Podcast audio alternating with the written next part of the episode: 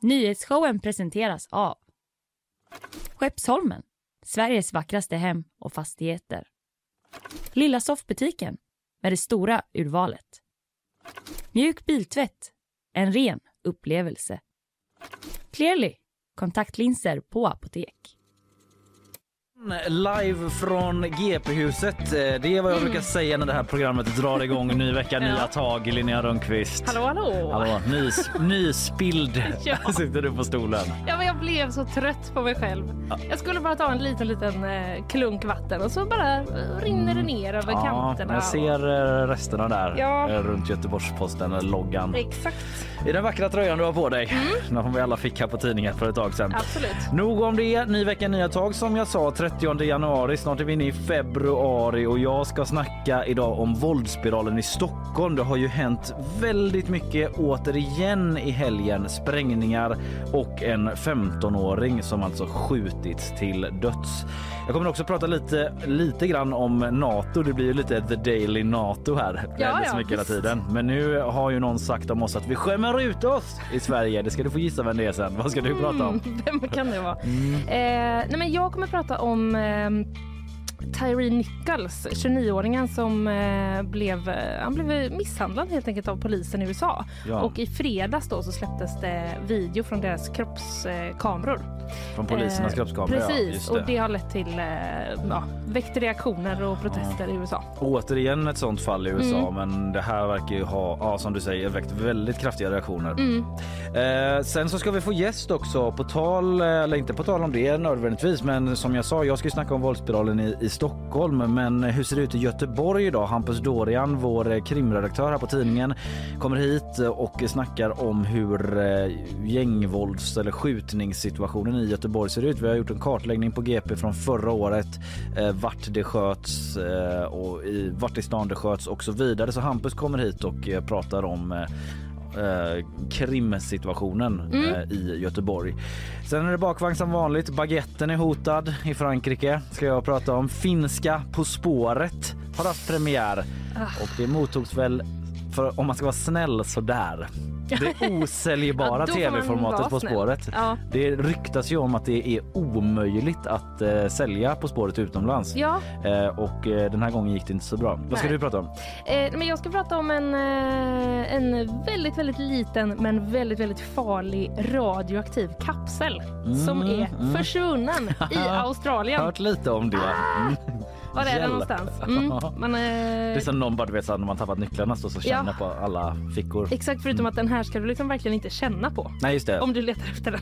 då hade man dött ja. Om de Ja, hade det, fickan kanske. inte kanske direkt så. Vi kommer men, till det. Ja, vi kommer till det. Eh, ja, men det är ungefär och sen så eh, lite om eh, museernas vädjan. Kallar de inte för mumier? Ja, just Mm. det. Jag känner igen det där lite grann också. På tal kanske om eh, nya mumiefyndet som vi hörde om eh, förra Exakt. veckan. Mm. Bladguldsmumien Mm. upphittad i Egypten. Mm. Ja, ja. Eh, hur har helgen varit? Har du stödåkt åkt eh, sexan någonting eller hela helgen? Bara hoppat på? Nej, det har jag inte, men jag tyckte det var roligt att se ändå i kommentarsfälten i fredags hur folk Mm. bara så jag ångrar mig lite nu. Nu känner jag mig lite taskig. Ångerfulla, ångerfulla Ja, lyssnarna som liksom eh, ömmar för sexan nu Exakt. istället. Ändå lite så blev det ju. Ja, Ja. det Nej, blev jag har, eh, faktiskt det. Jag har inte åkt den på evigheter. Nej, inte jag heller. Nej. Det är nian och elvan och trean som vanligt för mig. Ja, Majorna. jag är ju nästan bara buss nu för tiden. Ja, Mm. ja, vi släpper kollektivtrafiken nu för ett tag framöver tror jag. Nu Mm. har vi liksom vältrat oss i det en vecka. Vi får se vad som blir nästa stora liksom, engagemangsfråga här i Ja. programmet. Exakt. Har inget annat du vill rapportera från helgen som varit? Eh, ja, men jag har haft en liten rage över mellanrätter som Jaså? koncept bara. Men typ Mm. det trodde jag att vi var klara med. typ. Jag tror att vi bara har börjat. Ah. Vad är det som har hänt? Nej men det som hände var att jag befann mig på en restaurang, började Ja. titta på menyn och så var det så mellanrätter. Mm, jag har nog aldrig, jag faktiskt aldrig, jag ska inte snacka som att jag har så mycket på mellanrätt. Jag har nog aldrig stött på eller konsumerat en mellanrätt. Har du inte? Men jag är så lite på restaurang. Ja okej. Men eller det, jo, jag har det, men okej. ja, nej, men det enda som det leder till det är ju att folk frågar så. Hur mycket är det här? Mm. Och då måste någon Det servitris, ja, Ja. och då måste någon servitris stå där och liksom börja måtta med händerna. Mm. Och då vet man ju inte, ja men hur, hur är densiteten då? Ja, Så då kommer det. nästa fråga, blir man mätt på en sån? Ja just det. Jättesvår fråga att svara på. Helt otroligt Ja, svår. det var ju väldigt mycket från person till person. Mm. Exakt. Jag är ju väldigt eh, mycket en sån som är orolig just för Mm. att bli mätt. Ja, ja, det är min största farhåga när Ja. på restaurang. Eh, så ja, men jag håller med dig. Men det är ju ändå liksom, ja och typ vi blir ju lite olika mätta på olika mycket mat också men i, om det är liksom en vanlig rätt då vet man ungefär Ja. hur mycket det är. Men för en mellanrätt är inte sån som kommer mellan huvudrätt och efterrätt utan det är liksom mellanstora rätter. Ja det är som att bara, vi har tagit bort eh, konceptet liksom huvudrätt eller varmrätt och så är det bara så Ja, nej jag blir så, ja, jag blir så provocerad när jag tänker på det. Det kan ju inte vara någon som gillar det. Eller? Eh, nej. Eller jag vet inte. vara, Man men- gillar att liksom testa. Man, man, det finns ju någonting positivt i att man, man får liksom lite olika. Det finns en möjlighet att få pröva lite olika saker om man inte kan bestämma sig. Ja, alltså, så är det väl bra så absolut, sätt. Men det blir absolut. dyrare. Men jag bara liksom ser framför mig att eh, typ eh, landets eh, servitörer inte kan vara så himla nöjda med det här.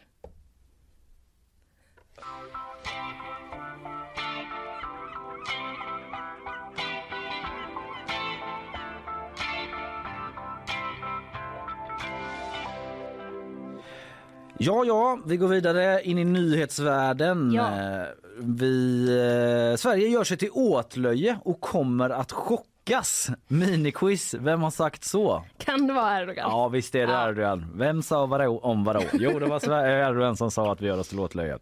Eh, Det var Turkiets president Erdogan och eh, det lät eh, så här. ve Finlandiya ile ilgili farklı mesajı verdiğimiz zaman İsveç şok olacak.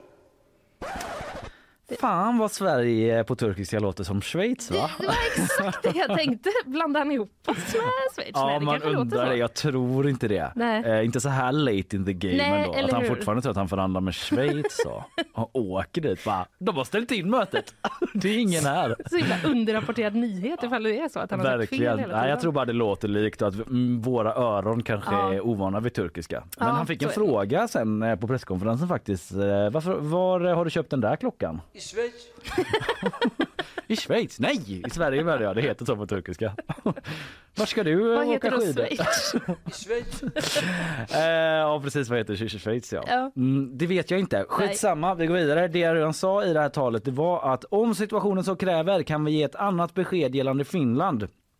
Och när Finland får det beskedet kommer det att chocka Sverige. Men då får, eh, men då får inte Finland göra samma misstag. Och så fortsätter man så här. Alltså så här, vi kan komma och släppa in Sverige. Eller vad säger jag, Finland. Mm. Men inte Sverige då var kontentan av det hela. Och då kommer vi bara jaw drop. What?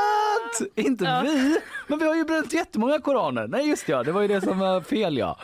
Eh, Han tog också upp det här kravet om 100 utlämningar som Turkiet vill att Sverige ska göra på folk som de anser är terrorister då. Att man måste leva upp till detta om det ska godkännas. Någon ansökan sa han.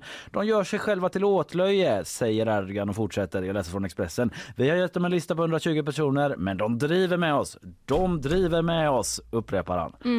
Han eh, var irriterad och enligt Bitte Hammargren ett namn du kanske lärt dig känna eller åtminstone sett flingra förbi. Hon är ju Mellanöstern och Turkiet analytiker knuten till Utrikes, Utrikespolitiska institutet. Hon menar att de här uttalandena från Erdogan är ett försök att sätta press på Finland och Sverige men också att Erdogan då inför de turkiska väljarna vill visa att det är han som sätter agendan. Det har vi väl hört den eh, argumentationen tidigare Just då. det, de liksom. har väl val där nu någon gång. Ja, 14 maj Ja, har de val där. Och i helgen så uppmanade ju dessutom svenska UD svenskar i Turkiet att undvika folksamlingar och man- manifestationer. Om man är svensk då. Så hetsig stämning eh, bedömer de på UD att det är. Och Sveriges NATO-förhandlare Oskar Stenström, eh, han som leder de här förhandlingarna då, han var med i Sveriges Radios Godmorgon världen igår och han sa att det inte är meningsfullt att föra förtroendefulla samtal och träffas fysiskt för det eh, kommer sannolikt bara leda till att vi eventuellt trissar upp situationen. Och nu är det min ton. så jag, han lät inte exakt så men det var det han sa. ja, Men du vet hur det kan vara? ja. Om vi ses nu, vi kommer, vi kommer bara börja bråka. Det Jag kommer vet bara det. bli värre. Ja, så liksom. Mm. Ja, men du vet ju liksom i relationer. eh, om det så väl är kärleksrelationer eller familjerelationer eller Mm. jobbrelationer. Liksom ibland så måste man bara ta lite egen tid. Typ. Ja, andas Välta lite. ut det, ja, Ja. komma tillbaka med en ny energi, Exakt. andra angreppssätt. Ja. angreppssätt. Så det kan vara så att eh, Sverige just nu går in i lite egen tid. Mm. Bara kollar en serie, eller liksom går ut och tar en promenad. eh, luftar sig lite grann. Eh, men NATO-frågan är ju alltjämt olöst, så mycket kan vi konstatera och eh, vi återkommer till den.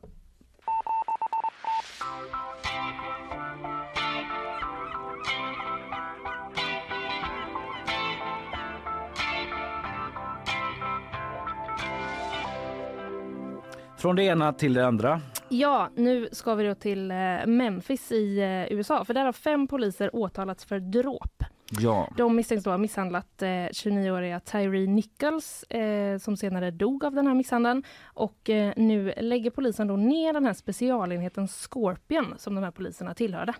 Okej, Ja, vilket många, namn. Ja. Ja. Mm. Många steg i det här. Men det började då, det var den 7 januari som Tyree Nichols då misshandlades svårt i samband med ett polisingripande. Mm. Eh, och han fördes sen till sjukhus och eh, sen så dog han då på sjukhus tre dagar senare Mm. efter detta. Eh, och det man vet än så länge liksom om vad som har hänt den här kvällen det är att Tyree då ska ha varit i en park i Memphis och fotat solnedgången. Och efter det så blev han stoppad av polisen eh, i sin bil. Mhm.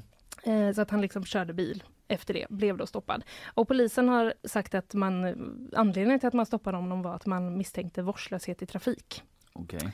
Eh, men det, sen har en polischef varit ute och sagt att man än så länge inte har hittat något som styrker det.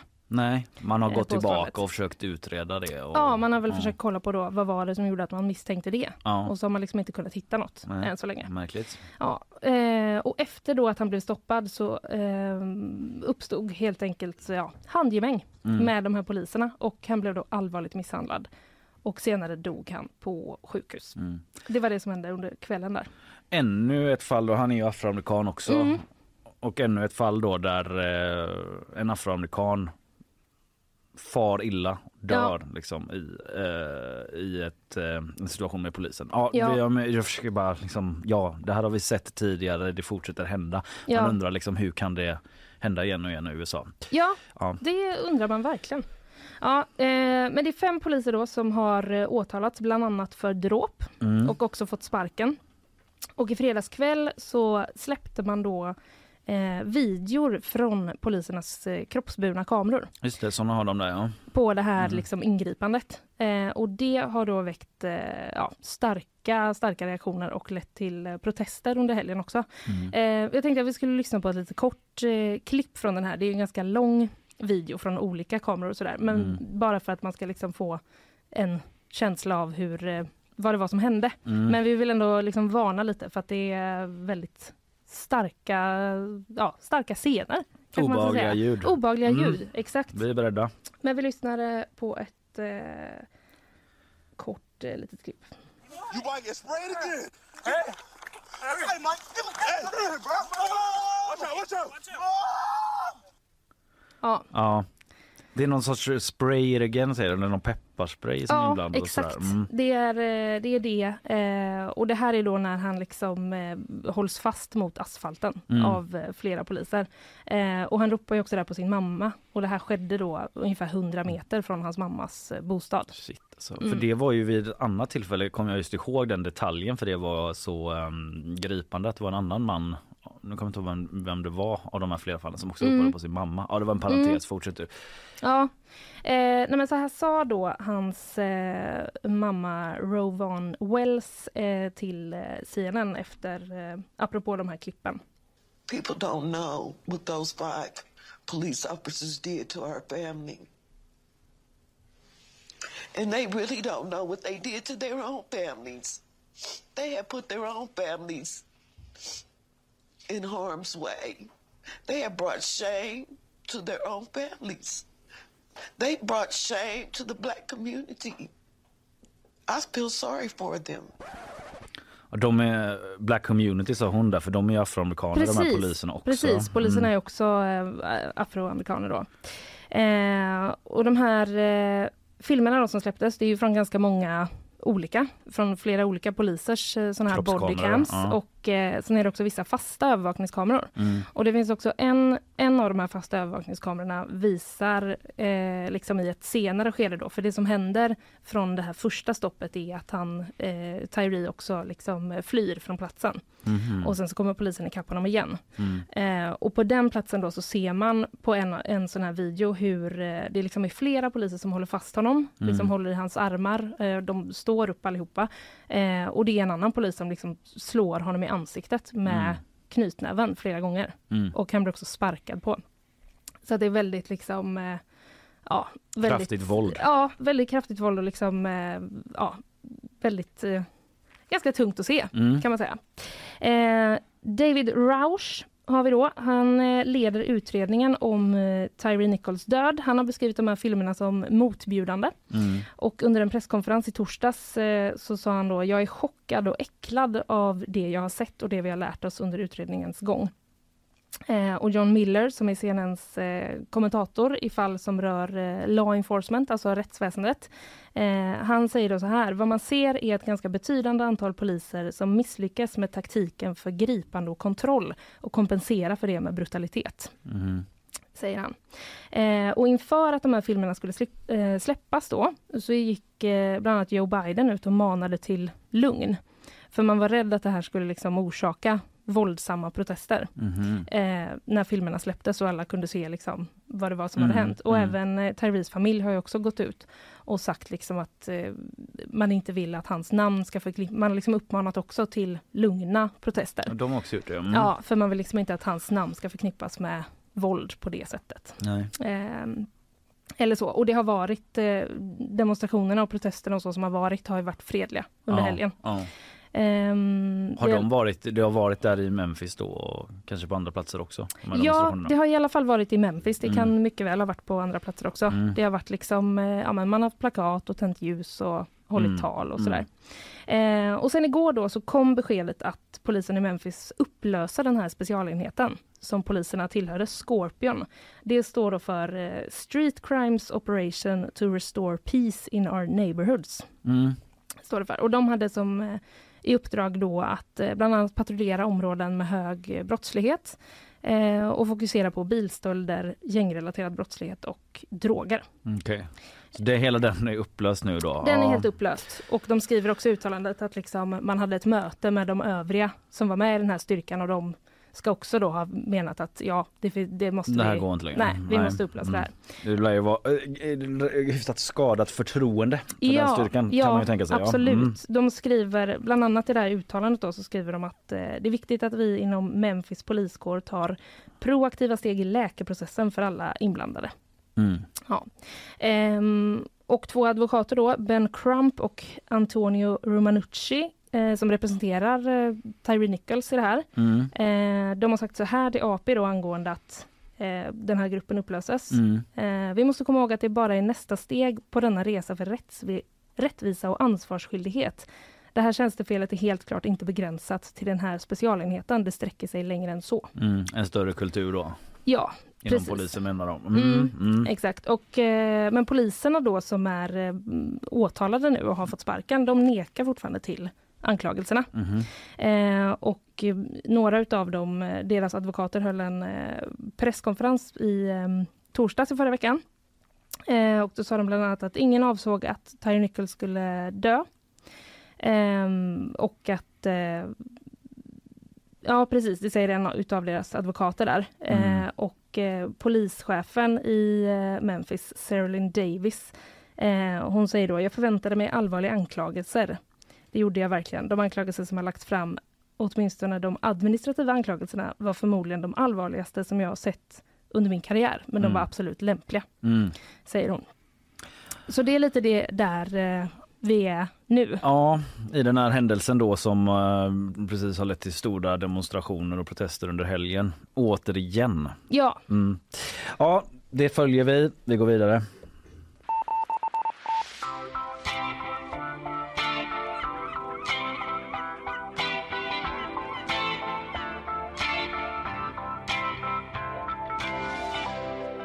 Ja, det är från USA då. Sen ska vi till Sverige igen eh, där jag eh, också kommer eh, ja, prata våld och polis fast eh, på ett helt annat sätt. Och den här våldsspiralen som pågår i Stockholm och delvis i Sundsvall har ju eskalerat ytterligare i helgen då Ja. med två sprängdåd och ett mord, en eh, skottlossning där Mm. ett misstänkt mord på en 15-årig kille ska ha utspelat sig i Skogås söder om Stockholm. Så det ska vi prata om. Eh, innan vi gör det så ska vi ta några ord från våra sponsorer.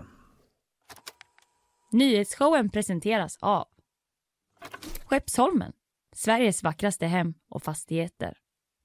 Lilla soffbutiken med det stora urvalet. Mjuk biltvätt, en ren upplevelse.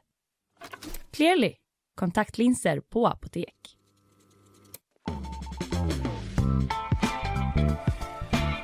Ja, 30 januari har vi. Det barkar åt februari.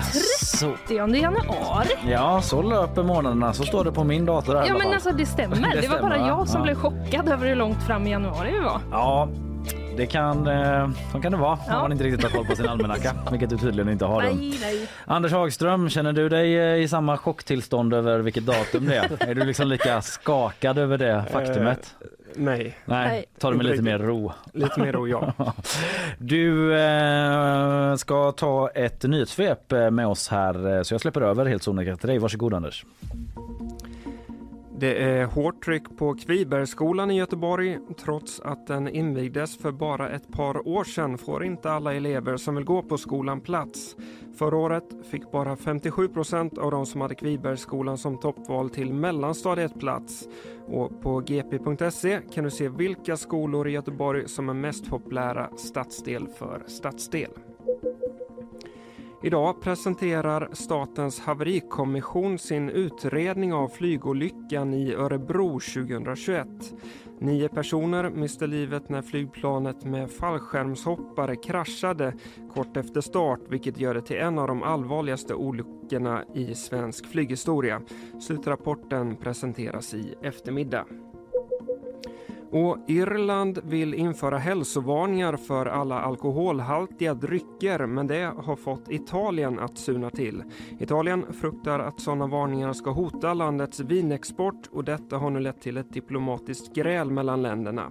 Den italienska oron gäller inte främst Irland utan att EU skulle införa sådana varningsetiketter. Ja, eh, förlåt, jag var klar där.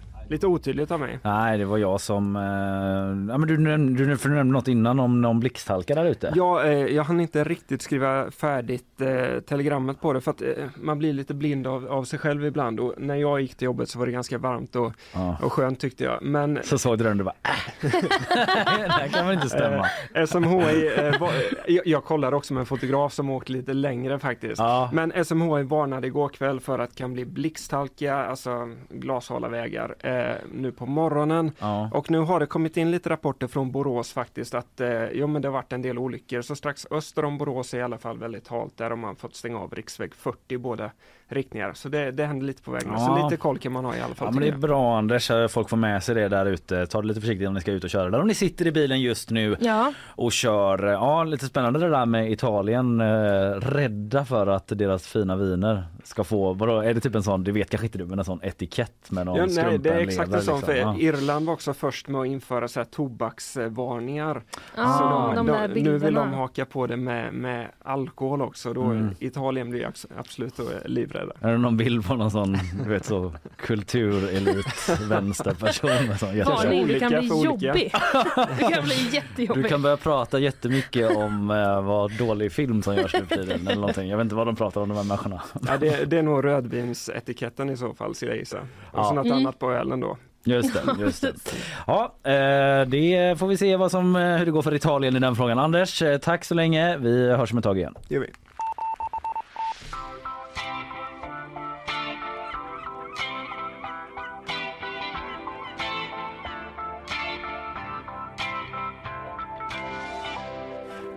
Ja, Linnea, nu ska vi till eh, Stockholmstrakten. Ja, alltså jag känner mig osäker, otrygg. Jag vet inte fan jag ska flytta till annat land eller vad ska jag göra för någonting. Det är, det är fucked up det här, vilde väster som pågår. Afshin hette den mannen som SVT pratat med som bor i Upplands Väsby då, norr om Stockholm där det exploderade i en port i ett eh, flerfamiljshus. Det här var eh, klockan fyra på morgonen igår, söndag morgonen, eh, när det small av där. Och bara två timmar före det så small det i Upplands Bro i tätorten Bro då i en intilliggande kommun. eh, Bara två timmar innan alltså. Också det i ett flerfamiljshus. Ja. Så söndag morgon två sprängdåd i norr om Stockholm. Och i båda fallen så är ingen gripen där, ingen har heller rapporterats fysiskt skadad men de här byggnaderna de har ju såklart eh, åsamkats skada. Och i båda, på båda de här adresserna så misstänks eh, det bo folk då med kopplingar till den så kallade kurdiska räven som vi har talat om här i programmet tidigare som alltså är frontfiguren på ena sidan i den här eskalerande våldsspiralen då som pågår i Stockholm. Fanny pratade ju om detta i förra veckan och eh, gjorde en redogörelse för eh, ja, de här två parterna man ska säga och eh, inledningen eh, på allt detta så det kan man lyssna tillbaka eh, om man vill eh, ha lite mer bakgrund på det. Men i korthet så är det en strid då som framför allt handlar om narkotikamarknaden i framförallt Sundsvall. Eh, mellan alltså då den här kurdiska räven, en 36-åring och en 24-årig man då, eller kille, som rapporteras ha en ledarposition i Dalen-nätverket. Det är den här kurdiska räven och så den här killen på Dalen i Dalen-nätverket som håller till främst i södra Stockholm då som eh, eh, ja, det utspelar sig ett krig mellan dem och den här narkotikamarknaden. Det rapporterar bland andra Aftonbladet och flera andra. Eh, Men eh, den här kurdiska räven då eh, kan jag bara nämna, han ska ju för närvarande befinna sig i Turkiet. Så därför riktas det nu då dåd, misstänker polisen, mot folk som är anhöriga till honom. Eh, och eh, det är därför det har smält på de här platserna. Han ska, är liksom efterlyst både för inblandning i mord och för narkotikahandel och beskrivs styra då en, del, en stor del av svensk narkotikahandel därifrån, från Turkiet.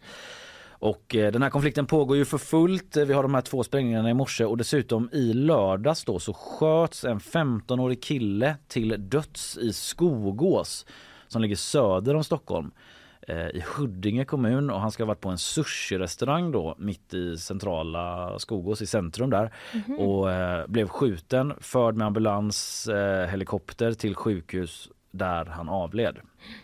Och eh, den här killen då eh, ska enligt SVT, källor till dem, också vara kopplad till våldsvågen som pågår. Eh, och eh, hans koppling då ska, att han ska indirekt ha varit, han ska varit inblandad i ett dåd som riktats mot den kurdiska räven. Ja, okej. Eh, så det var i lördags och sen i söndags skedde de här explosionerna mot adresser där det fanns kopplingar till kurdiska räven. Så, räven, så att alla liksom, det pågår en fram och tillbaka Ja. Mm, Ja, du förstår alla, våldsspiralen och så vidare. Eh, och eh, igår då så samlades folk utanför den här sushi-restaurangen i Skogås där det skapats en liten någon sorts spontan minnesplats. Eh, vi kan lyssna på Sveriges Radios vi kan lyssna på Alexandra som Sveriges Radio pratade med som eh, var där. Min dotter var, går i samma skola, klass som pojken. Det är därför jag är här idag, för att finnas bakom henne här när hon sluter upp med vänner och lärare. Ja, 15-årig kille i skolåldern då. Eh, många såklart ledsna och otrygga i Skogås, Skogås idag. Och eh, enligt källor till SVT då återigen så misstänks en koppling mellan det här misstänkta mordet då eh, och våldsspiralen och de här explosionerna eh, i norra Stockholm. SVT har pratat med Max Åkervall från Stockholmspolisen som säger så här. Ja, alltså jag känner mig osäker. Nej förlåt, säger Ja, så men här. jag skulle vilja påstå att vi har en relativt klar bild över hur situationen ser ut och vad som hänger ihop med vad. Ja precis, Eh, de menar ändå att de har en ganska bra övergripande bild över hela den här situationen. De, eh, de ser kopplingarna emellan händelserna eh, och han fortsätter då att säga att man eh, på intet sätt förväntar sig att det här ska lugna ner sig i närtid. Vi väntar oss ytterligare dåd i närtid. Vi gör allt vad vi kan för att förhindra och avbryta dem. Men det är också så att de bedömningarna, de analyserna som vi gör och tillsammans med underrättelseverksamheten talar ju om för att våldet kommer fortsätta ligga på en hög nivå. Ja, vad Ja. känner du? Nej men jag känner att... Eh... Vad tänker du? Nej men jag tänker att eh, det bara pågår och pågår och pågår ju. Ja, Eller den här våldsvågen liksom. Ja, man har ju svårt att se ett slut eh, på det. Det verkar ju polisen Ja. också. I Ja, alla fall men också- närmaste tiden. Ja, och så tänker jag att det är liksom eh, ändå lätt på något sätt att man blir liksom van vid att höra den här typen av nyheter. Men Mm. att när man verkligen tänker efter på det så det är ju helt Mm. En 15-årig kille Ja, en nu. 15-årig kille. Och som Fanny nämnde förra veckan, liksom att det var någon 13-åring som hade stoppats med automatvapen tror jag att hon Ja, eh, nämnde. ja, ja. Det är ju liksom helt Jo men det är ju det här hela eh, tiden att det kryper lägre och lägre ner i Mm. åldrarna. Att eh, unga människor, killar framförallt, eh, utnyttjas och eh, används Mm. i det här spelet. Eh, eh, I alla fall fortsatt då eh, i det här Skogåsfallet. Efter den skjutningen så sitter en tonårig kille anhållen på sannolika skäl eh, misstänkt för medhjälp till mord. Och eh, på tal om det här och eh, Ja, som Max Åkervall sa med att man gör allt man kan för att avstyra och avbryta våldsdåd framåt så verkar det som att polisen lyckades med det i Sundsvall i torsdags. Eh, det tror man själva i alla fall. Det var då man slog till mot flera adresser i Sundsvall och eh, igår så kom nyheten att fyra personer till ytterligare, det är totalt sju, har begärts häktade efter de här razziorna. Eh, för som jag sa inledningsvis eh, så är det ju mycket eh, kring narkotikahandeln i Sundsvall som den här Ja. konflikten kretsar. Och de här fyra då som har gripits eller som har häktats nu då, begärts häktade, de eh, misstänks för bland annat grovt vapenbrott och grovt narkotikabrott och av de här fyra så är det bara en av dem då en kvinna som ska ha varit bosatt i Sundsvall medan de tre andra som är killar, ingen av dem äldre än 23 ska ha varit från andra orter i södra och mellersta Sverige. Och polisen har sagt då som jag var inne på att man förhindrade ett mord i och med det här tillslaget. Enligt eh, uppgifter till Aftonbladet så ska flera personer som greps under eh, det här till ett av tillslagen ha varit beväpnade och maskerade och suttit i en bil. Okej. Så de satt i en bil maskerade, eh, beväpnade och de ska ha haft också så tejpade handleder och fotleder. Just det, det såg jag. Mm, vilket är ett sätt då att förhindra att man sprider DNA på brottsplatser. Aha. Så eh, av allt att döma Ja. så var de eh, på väg någonstans. Mm, Så mm. sitter man ju inte bara om man Nej. ska åka till jobbet så att Nej. säga. Eh, och eh, Veronica Andersson som är chef för Sundsvallspolisens utredningsenhet säger till Aftonbladet att eh, vi kan se att de brotten, alltså de här vid razziorna i Sundsvall har koppling till andra utredningar och att aktörerna även finns i ärenden i andra delar av landet. Så det finns ett samröre, ja, så uttrycker hon sig. Mm. Alla förstår att det finns en koppling då och det bara fortsätter detta i Stockholm vad det verkar. Polisen ser ingen ingen ände på det i nuläget. Nej. Eh, I Göteborg då, Ja. som Fanny var inne på redan förra veckan så är det ju klart lugnare här Mm. jämfört med i Stockholm. Eh, Och vi på GP har gjort en kartläggning som finns på vår sajt över skjutningarna som var här i stan förra året och eh, den visar att med vissa undantag så är det ändå en deeskalering på något sätt just när det gäller skjutningar då i alla fall som sker i Göteborg och vi ska snacka lite mer om detta med Hampus Dorian då som kommer hit alldeles snart som är vår krimredaktör på GP. Eh, alltså det går neråt och jämfört med Stockholm så ser det ju inom citationstecken bra ut. Mm. Men eh, som eh, vår eh, andra krimreporter Peter Linné skrev i en krönika, eh, nu parafraserar jag lite för jag har inte det exakt framför mig men att ja, i, i, i en annan stad i Europa så hade liksom 30 skjutningar på ett år sett som en katastrof. Ja. Men här i förhållandet till Stockholm så Mm. ses det ändå som, om, kanske inte en framgång men åtminstone som bättre resultat. Mm. Det ska vi prata mer med Hampus om om en liten stund.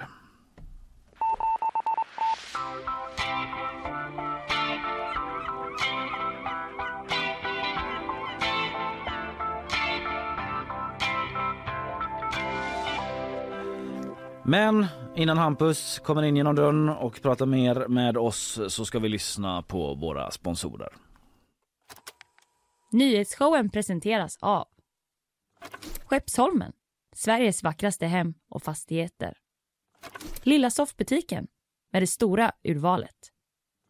Mjuk biltvätt, en ren upplevelse. Clearly, kontaktlinser på apotek. Sådär ja, nu har du varit framme Linnea. Ja. Du som är så eh, tekniskt begåvad och rätta till den här mikrofonen. Men jag tycker inte det känns bra när mikrofonen är fel. Nej, nej men det är alldeles riktigt. Det är klart vi ska fixa det och det gör du så gott. Eh, nu då eh, som jag var inne på tidigare, vi har pratat väldigt mycket eller ja, vi har pratat mycket om situationen i Stockholm, eh, den eskalerande våldsspiralen som pågår eh, och samtidigt har vi då en ganska annorlunda situation i Göteborg och med oss för att prata om den är vår krimredaktör här på eh, GP Hampus eh, Dorian. God morgon Hampus. God morgon, god morgon. Du, eh, vi läser ju varje dag nu i princip om situationen i Stockholm men i Göteborg så är det i jämförelse med det då åtminstone en lugnare situation. Och i en krönika nu som eh, kom eh, här för några dagar sedan så skriver vår krimreporter, mångårig medarbetare Peter Linné då att det kaos i Stockholm får Göteborg att se ganska bra ut. Eh, hur tycker du det ser ut? Ja, vi jobbar ju ihop så jag får ju säga att han har rätt såklart. Ja. Eh, nej men eh, han är väl inne på något som stämmer ändå där får man säga. Eh, tittar man på skottlossningarna förra året så jag tror Stockholm var uppe i 126. Vi hade 388 i hela Sverige. Och Göteborg står bara för 28 av dem, bara inom citationstecken. Mm. Men det är liksom 7 eller något sånt där tror jag av alla skjutningar. Så att med tanke på att vi är Sveriges näst största stad så får man ju säga att vi i relation till de andra ligger lägre, eh, Mm. helt klart. Man ser också en, en minskande trend där, visst? Ja, så är det ju. Eh, går man tillbaka tio år till 2013 så hade vi dubbelt så många skjutningar som vi hade förra året till exempel. Så att eh, ja, det, Mm. det är en tydlig trend. Sen är det alltid svårt vad som ligger bakom de där men neråt har det ju gått. Liksom. Mm. Ja, men vi kommer in mer på det sen vad det kan bero på och eh, vad polisen har gjort. Men som eh, Peter eh, skriver också då så här i vilket annat land som helst i Europa hade 30 skottlossningar i en stad med en halv miljon invånare bedömts som en katastrof. Eh, ja, varför? Eller vi har svarat på frågan på ett sätt, men eh, tror du eller så här, tror du polisen är i Göteborg är nöjda med vart man står?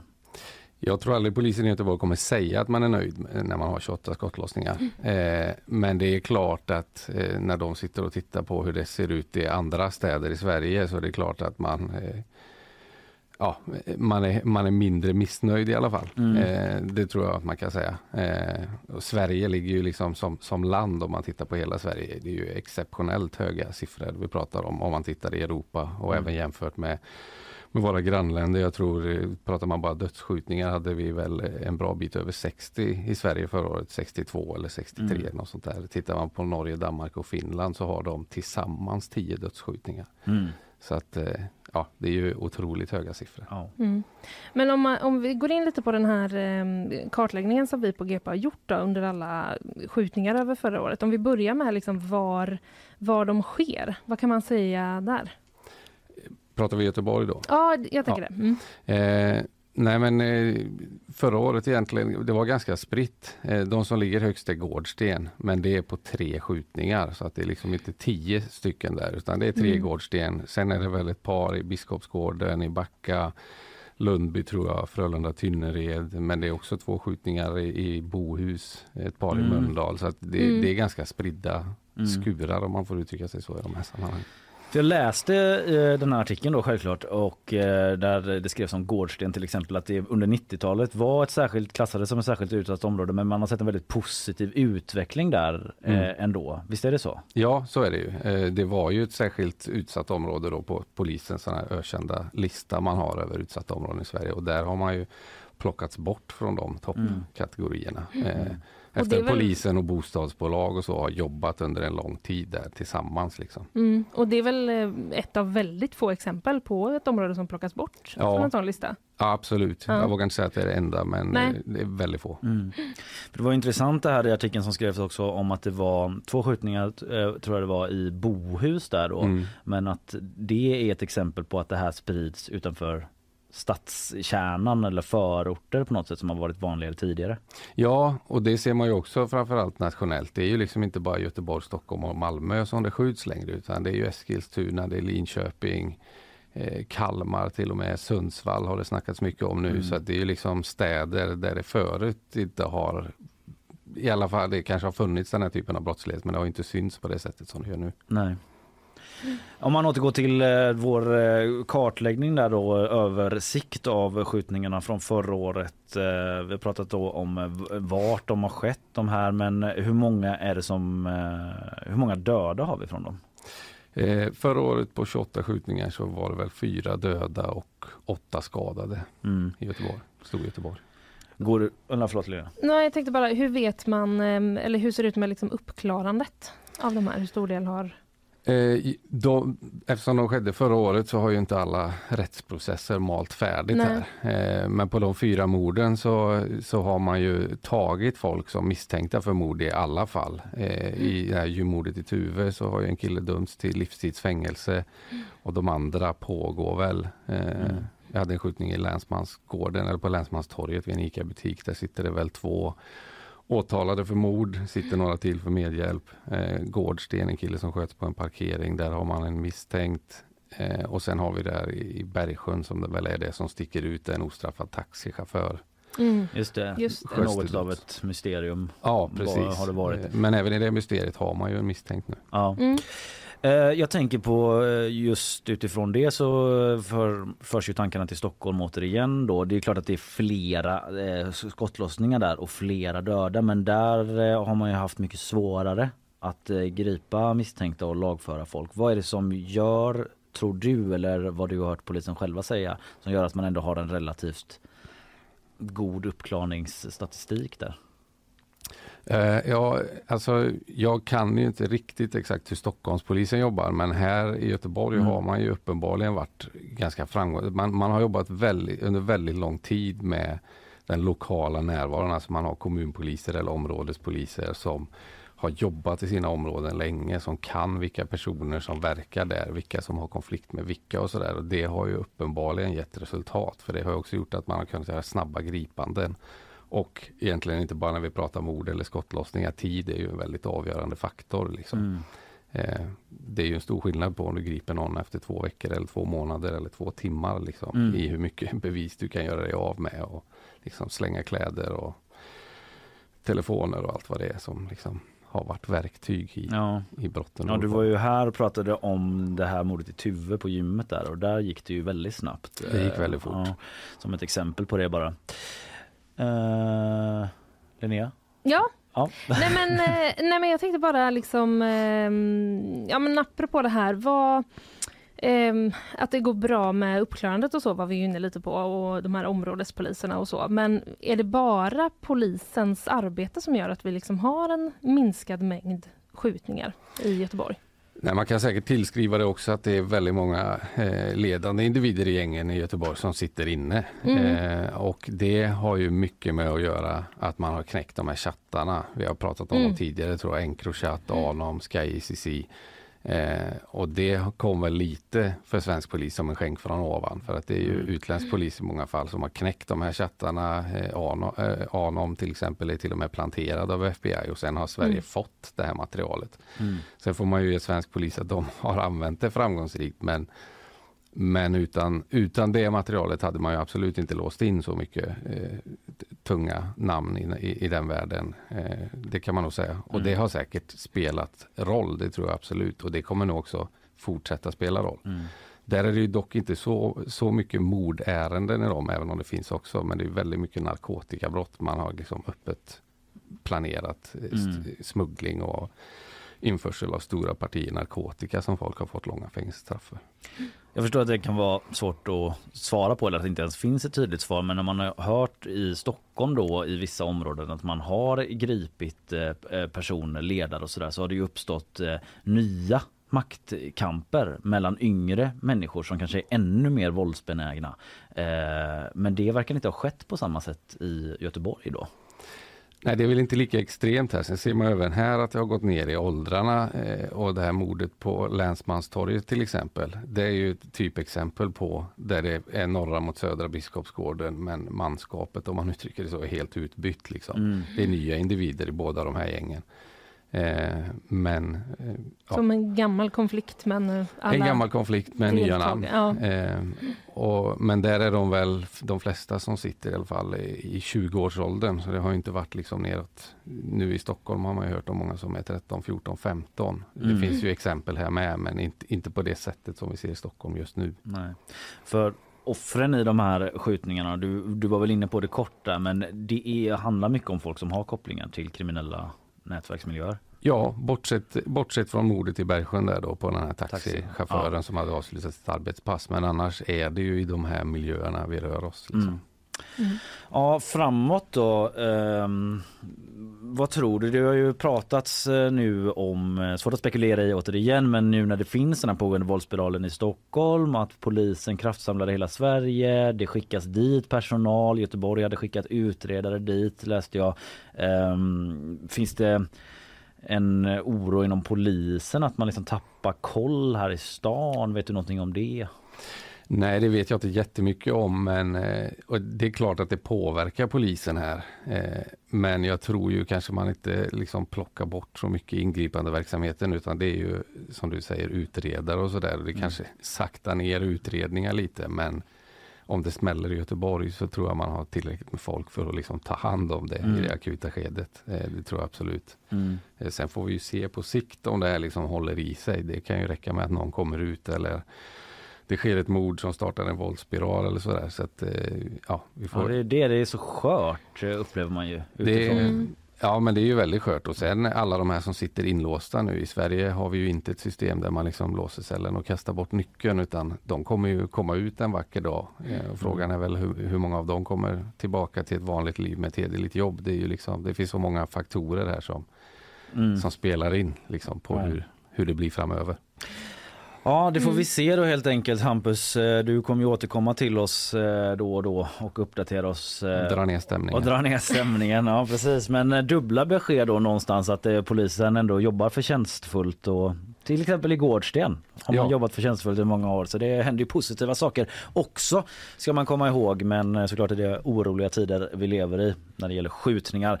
Hampus Dorian, tusen tack för att du kom hit idag. Tack så mycket.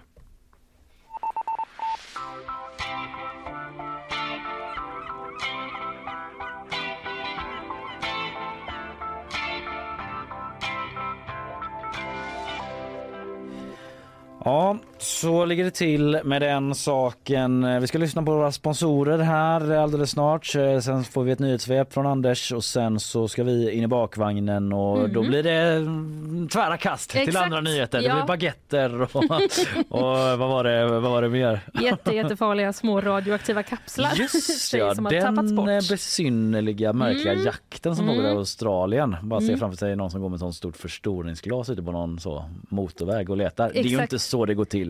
Nej fast typ, eh, ja, vi, nej inte exakt sense. så men in a sense. Du är All inte helt fel ute. Nej, all right. Eh, vi ska lyssna nu då till våra sponsorer. De kommer här. Nyhetsshowen presenteras av Skeppsholmen, Sveriges vackraste hem och fastigheter. Lilla soffbutiken med det stora urvalet. Mjuk biltvätt, en ren upplevelse. Clearly, kontaktlinser på apotek. Anders Hagström har satt sig på stolen. Eh, är det du som har fixat till eh, fotstödet också eller? Nej. Nej. eh, Jag tror att det är jag som har gjort det på alla stolar. Ja, du har gjort det. Varit här i smyg Nej, efter jag sändningstid. har och bara- hamnat på olika stolar olika gånger. Ja. Så att nu tror jag att jag har liksom haft alla. Är det här sånt där obetalt kvinnligt arbete Ja, på det. arbetsplatsen? Mm. Och man tar ansvar för andra och så? Fast jag gör det ju bara för min egen skull. Ja, men det är Men, andra som får skörda frukterna av det också. Till exempel. Anders som sitter Mm. så bekvämt. Toppen. Ja. Men, men vadå, har det inte varit på alla stolar? Vadå? Nej, men, jo, Jo, men, men de har den- varit så himla himla långt ner så jag har ja, behövt ja, ja. dingla med benen. Och det Ja. tycker inte jag känns eh, anständigt höll jag på att säga. Nej, jag tror inte att vi har tackat dig nog Linnea för allt, eh, alla insatser du gör här eh, på Nyhetsshowen och på Göteborgs-Posten. Herregud, du har ju gjort massa grejer här. Anders, det du gör är att du är på tv-redaktionen annars bland annat. Men du är här nu för att ge oss ett nyhetssvep. Så det. Varsågod.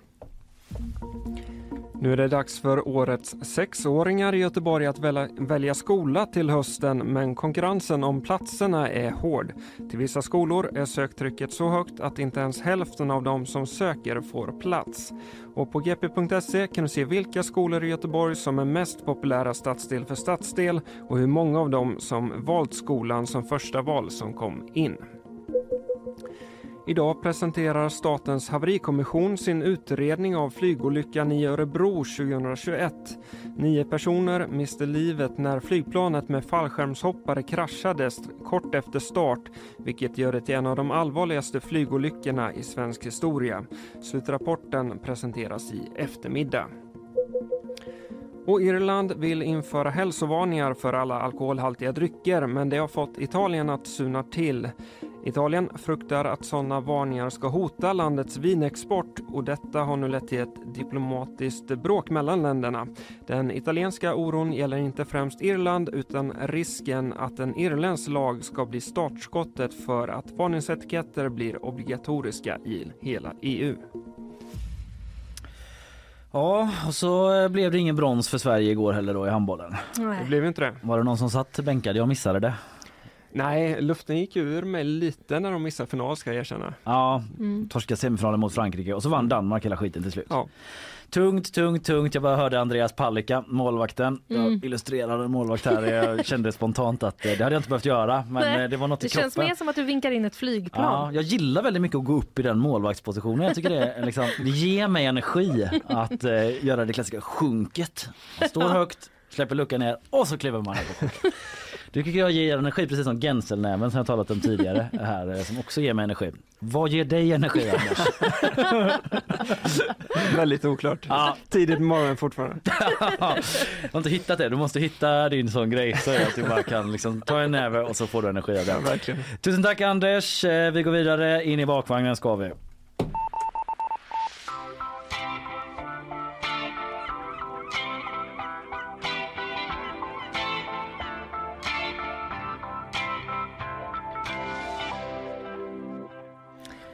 Australien. Ja, nu Ska vi tar vi det? oss dit. Vi Du får förklara den. vad det handlar om. Jo, så här är det då. Det är alltså en minimal men väldigt farlig kapsel som har Mm. försvunnit i Australien. Och det är inte vilken kapsel som helst. Det är en radioaktiv kapsel. Ah, den Ah. farligaste sorten. Den liksom Kanske eh, obehagligt cyanid. farliga. Man kan Ja. ju, det, det är inte nödvändigtvis att man märker det.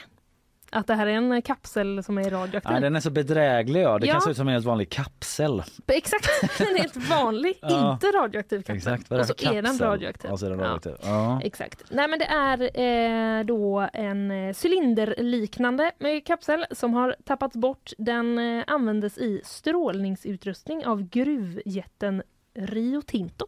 Jaha. Oj vad svenskt jag uttalade det. Rio Tinto. Rio Tinto. Är det sillstrupan som läser nyheter med mig eller vad är det som pågår? Nej. Nej, vi fortsätter. Ehm, 6 mm bred, Ja. 8 mm hög är den. Väldigt liten. Var det ett oj från eh, producent Karl? Karl sitter och måttar där nere. Ja, det är ju, att- inte- ja, precis för den är ju inte ens en centimeter. Liksom. Nej, väldigt liten kapsel. Väldigt lite. Karl försöker få skaffa sig en uppfattning där nere. Ja, vad kan man säga? Typ som en Alvedon? Eller? Ja, Lite mindre Lite kanske. mindre än en Ja. Alvedon Vi, vi. behöver inte fastna i det, man kan liksom eh, fundera själv på vad man kan jämföra 6 med. millimeter är ändå en okej beskrivning av storleken Ja.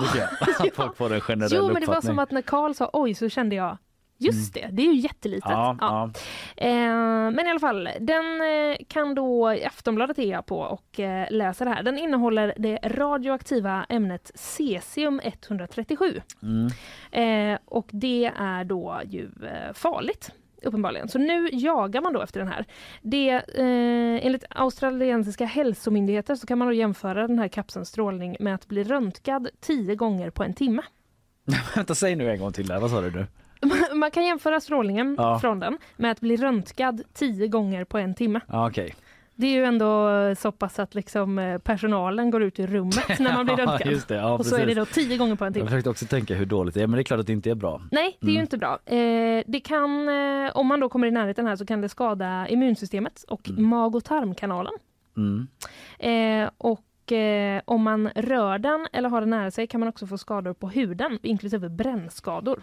Och det är ju det som är så bedrägligt återigen då att det ser ut som en helt vanlig kapsel. Exakt, och att den är så här liten. Ja. Hittar man en sån liten kapsel på vägen så är det lätt att man tar upp den och undrar vad det här för Oh, kapsel vad är egentligen. det här för god kapsel? Men de har tappat den här. De har tappat den. Det är så här, den var på väg till ett eh, företag i Spanien om jag inte missminner mig. Mm. Eh, ja, precis, ett servicebolag. Och den här lilla kapseln har alltså varit eh, på fri fot, skriver Aftonbladet, frågetecken, eh, i drygt två veckor. Ja. Mm.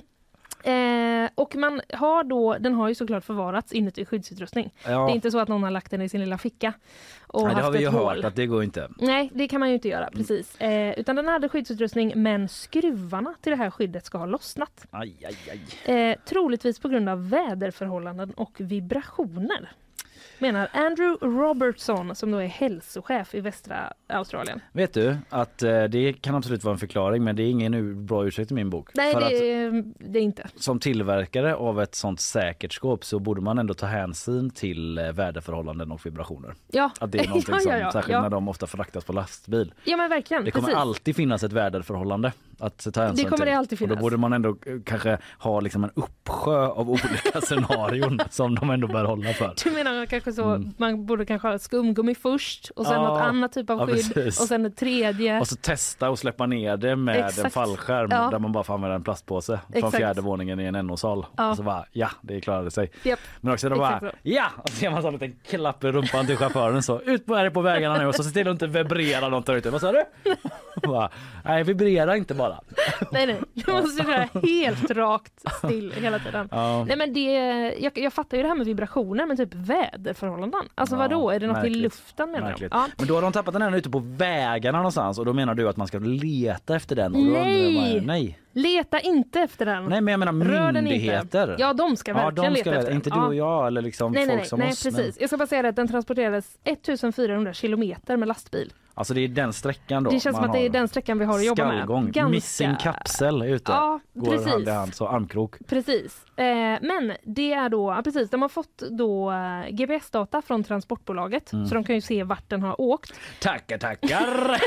1700 var det kilometer raksträcka rätt över Australien. Tack för det. Ja, vad bra! Tack var-. Eller det var inte Australien kanske. Nej. Men eh, du fattar. Oj. Nej, men nu letar man efter den. Man har tillsatt en specialstyrka som jagar den här pytte, pytte, pytte lilla kapseln. Då. Eh, och eh, i första hand letar man tydligen i områden med stor befolkning. Förmodligen kanske då för att det är där någon riskerar att skadas Ja, det är värst man betar av dem först. Ja, det. precis. Och så har man då eh, strål, strålningsmätare. Mm. Eh, Så man för, går kanske mest, mer på strålningen och hittar själva kapseln då? Ja, för Mm. jag sa, gav ju dig lite rätt innan när du sa det här med förstoringsglasen. Mm. Men eh, Daryl Ray då som eh, arbetar med det här, han säger vi försöker inte hitta den minimala apparaten med blotta ögat. Nej. Så att det gör de ju inte. Det är inte Nej. så att de går och tittar utan de, gör, de försöker eh, lösa det med eh, strålning Mm. helt enkelt. Om man tar förstoringsglaset som liksom en stor metafor för andra Ja. typer av verktyg man kan använda sig för att hitta saker. Där har jag rätt. Ja, Men annars man väldigt, fel. ja precis, då får man ändå vilja ganska Väldigt mycket att du ska ha generös rätt. liksom, Väldigt metaforisk tolkning generös. av ett förstoringsglas. Ja, Ja. exakt. Eh, långsiktig risk om man eh, exponeras av en sån här källa är att man kan få cancer. Säger eh, Robertson. Så att Ja. det är ändå en eh, väldigt, väldigt liten men farlig sak. Ja. Som är då på fri fot enligt Aftonbladet. Alltså om folk nu är sura på det här bolaget som Mm. har tappat den här kapseln, då har jag en sak att säga. Den som är helt fri från skuld kan kasta den första stenen. Kan man tänka på. ja, det kan man tänka på. Bara du som själv inte har tappat en radioaktiv kapsel Precis. kan kasta sten. Karl skriver också att allt är farligt i Australien. även, även kapslar. Ja, Just det, hela sökgruppen dog av farliga ormbett. Precis. Mm.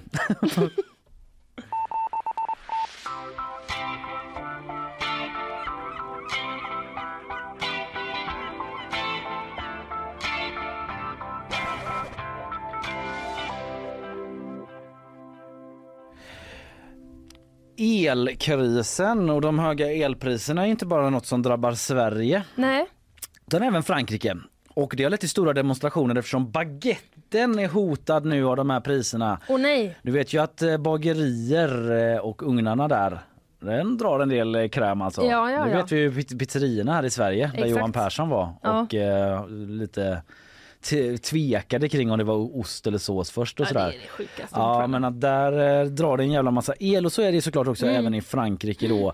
Eh, de sätter hård press på de franska bagarna de här priserna. Min el, mina elräkningar har fördubblats på bara en månad. Det säger eh, den prisbelönte bagaren Kemoussi Mansour i Paris. Alltså han är så här svinkänd för att göra jättegoda, jättegoda baguetter Mm. och andra grejer. Även typ rosa croissanter med hallon eller röda Mm. Är någon specialitet de har där läser jag artikeln. Han, han skär baguetten med rakblad så.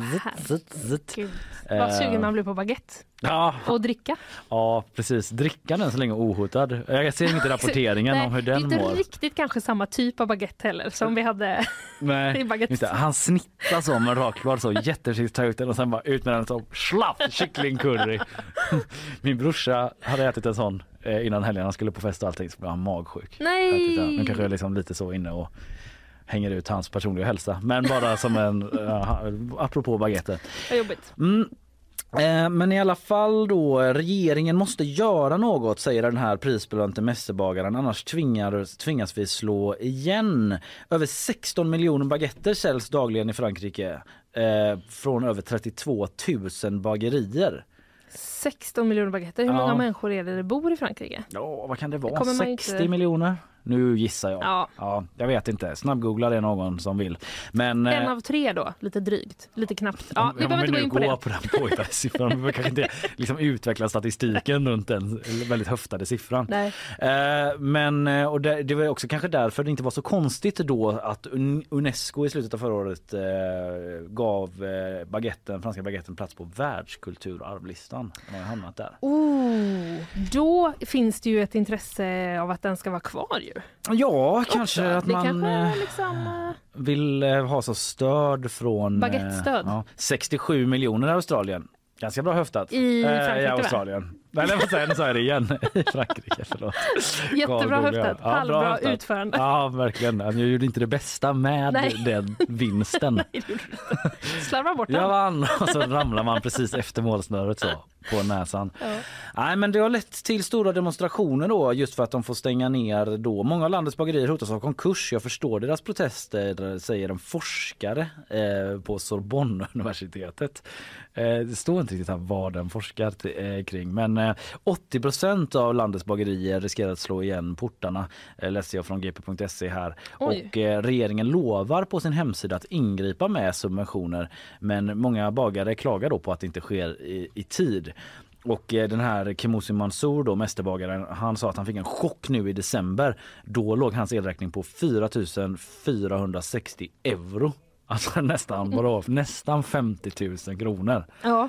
Men då har han ett stort bageri och Ja, han har över sant. 10 anställda. Vilket Mm. gör att han går miste om ett småföretagar eh, stöd som Aha. fanns sedan tidigare. Så det är en sån byråkratisk Mhm. grej där också då. Eh, så eh, eh, vad, sk- nu skriver Karl något jättekonstigt. Jo, men Karl menar liksom att baguetten blev ju ett eh, skyddat arv. Ja, så då är det. så här, är det någon som måste ta ansvar för de här bagerierna? Just det, och det Eller finns kan en man bara- kulturfond. Exakt, Liksom. kan man bara se på medan de stänger ner? Ja, Eller är det- någon som har åtagit sig att skydda baguetterna kanske? Eh, ja, det verkar liksom inte så. För grejen är att de är lite sura på Unesco. I alla fall två bagare då som vi på Mhm. GP har pratat med eh, på plats i Frankrike här. För att eh, Alltså, det är en som heter Isabelle Ber, Berlir, Berlir eh, och eh, som, har, som är bagare då och hon nämner då att 85% av dagens baguetter i Frankrike tillverkas av industrin och säljs i snabbköpen. Så man tror att Unesco har gjort en god gärning för bagarna eh, men eh, Eh, Det har man liksom inte för att Mhm. hon tycker då att man borde bara världsarvslistat de här baguetterna som görs liksom med omsorg i bagerier men nu är det alla och då blir det så jäkla många. Ja. Eh, och då kanske det liksom blir svårt att typ skydda, du vet de här, typ såna små, Ja, små baguetter som man en själv i ugnen, minibaguetter. Ingår de? Eller ska liksom typ så baguetten vid korsvägen om det Ja. var samma, ska de också få massa? Ja. Då blir det svåra gränsdragningar, det kanske är det som är ett problem. Ehm, men som sagt det har varit eh, stora protester eh, och eh, så här, eh, vår reporter då har varit på plats eh, vid Place de la Nation i östra Paris där man protesterar mot höjda elpriser generellt, inte bara baguetten specifikt då, men det har blivit en symbol. Det är ju en ganska bra effektiv symbol på liksom en demonstration att hålla en baguette. Ja, alla står sänkta huvuden så Ja. den black power-näven fast man håller en baguette upp istället. Så. Eh, inte bara den aktuella pensionsreformen får folk att rasa mot president Macron stod det på en banderoll. Väldigt Mm. så utförlig. typ. Verkligen en fullständig Ja, mening. ja. Vilken pensionsreform? Den aktuella! Den rasar vi över och Vänta jag baguetten. ska vrida på skylten så ser du. Ta upp nästa skylt, det Ja, långa exakt. meningar. Ja, detta pågår i Frankrike. Hallå? Hallå? Glöm den förra. Där är den nya. Expressen fredag av? Frågetecken. På? Utropstecken. Gäller från och med nu, okej? Mm, Timotej. Stenhårt. På. Ja. Ja, nu kommer det en, eh, ja, men en liten nyhet men också ett lästips. Mhm. Vill jag liksom eh, framea det här som, kan man säga. Ja, ja, Jag ja. är inne på eh, gp.se på vår egen eh, sajt och jag läser om Mats Lövgren som eh, har då lagt tusentals timmar eh, på att eh, stoppa Västlänken. Mm, jag har också läst eh, det här reportaget. Ja. Verkligen lästips. Fortsätt berätta. Ja men precis, Eh, efter, eh, då skriver vi så här att efter fot- 15 år av motstånd tycker han sig nu vädra morgonluft. Se där ja. Ja. Det, och det är apropå då... ehm, Det är Stoppet, Haga. Hagastoppet. Precis, stoppet i eh, Haga. Han ser det då som ett eh, kvitto på den övertygelsen som han har hållit fast vid år efter år. Det kommer inte bli någon västlänk. Den kommer inte byggas klart. Aldrig, aldrig, säger han. Mm.